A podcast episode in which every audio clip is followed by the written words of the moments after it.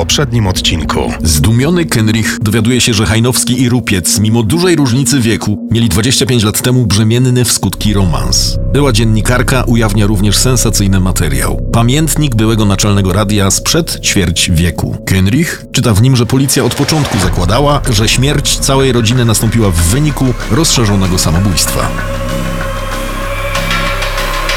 Katowice, 15 grudnia, godzina 10.05. Uwielbiał tę atmosferę. Spływał na niego spokój. Kenrich wziął jeden dzień urlopu i wybrał się na zakupy. Szukał prezentów dla żony i córki. Tuż po otwarciu w centrum handlowym było jeszcze niewiele osób.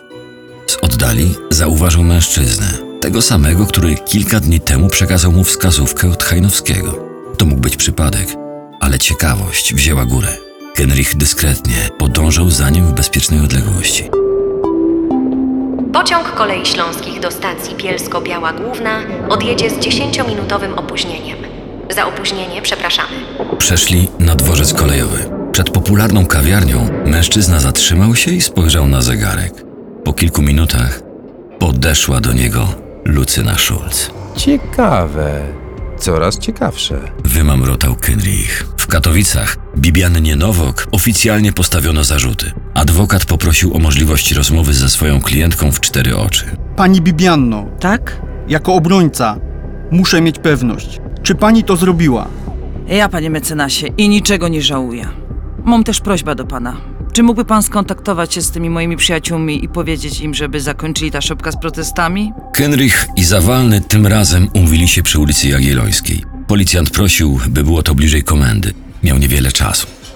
Teraz już wszystko wiesz. Ale przysługa za dwie przysługi.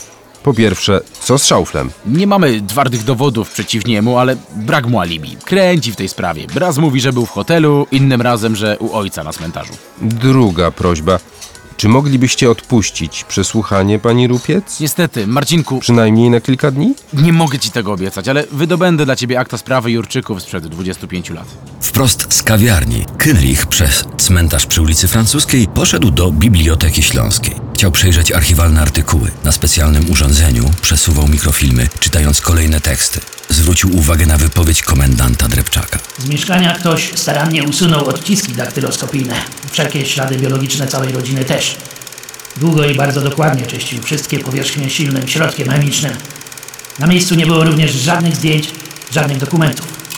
Autorką artykułu była Joanna Nibisz. Znał ją. Jako emerytka udzielała się obecnie w organizacjach senioralnych. Postanowił, że w najbliższym czasie spotka się z nią. Kenrich spojrzał przepraszająco na bibliotekarkę, ściszył sygnał dzwonka i szybko wyszedł na korytarz. Dzwonił zawalny. Ta sprawa staje się coraz ciekawsza. Wtedy, 25 lat temu w Chorzowie, nie zaginęła cała rodzina Jurczyków. Jeśli to była zbrodnia, nie wszystkich zamordowano.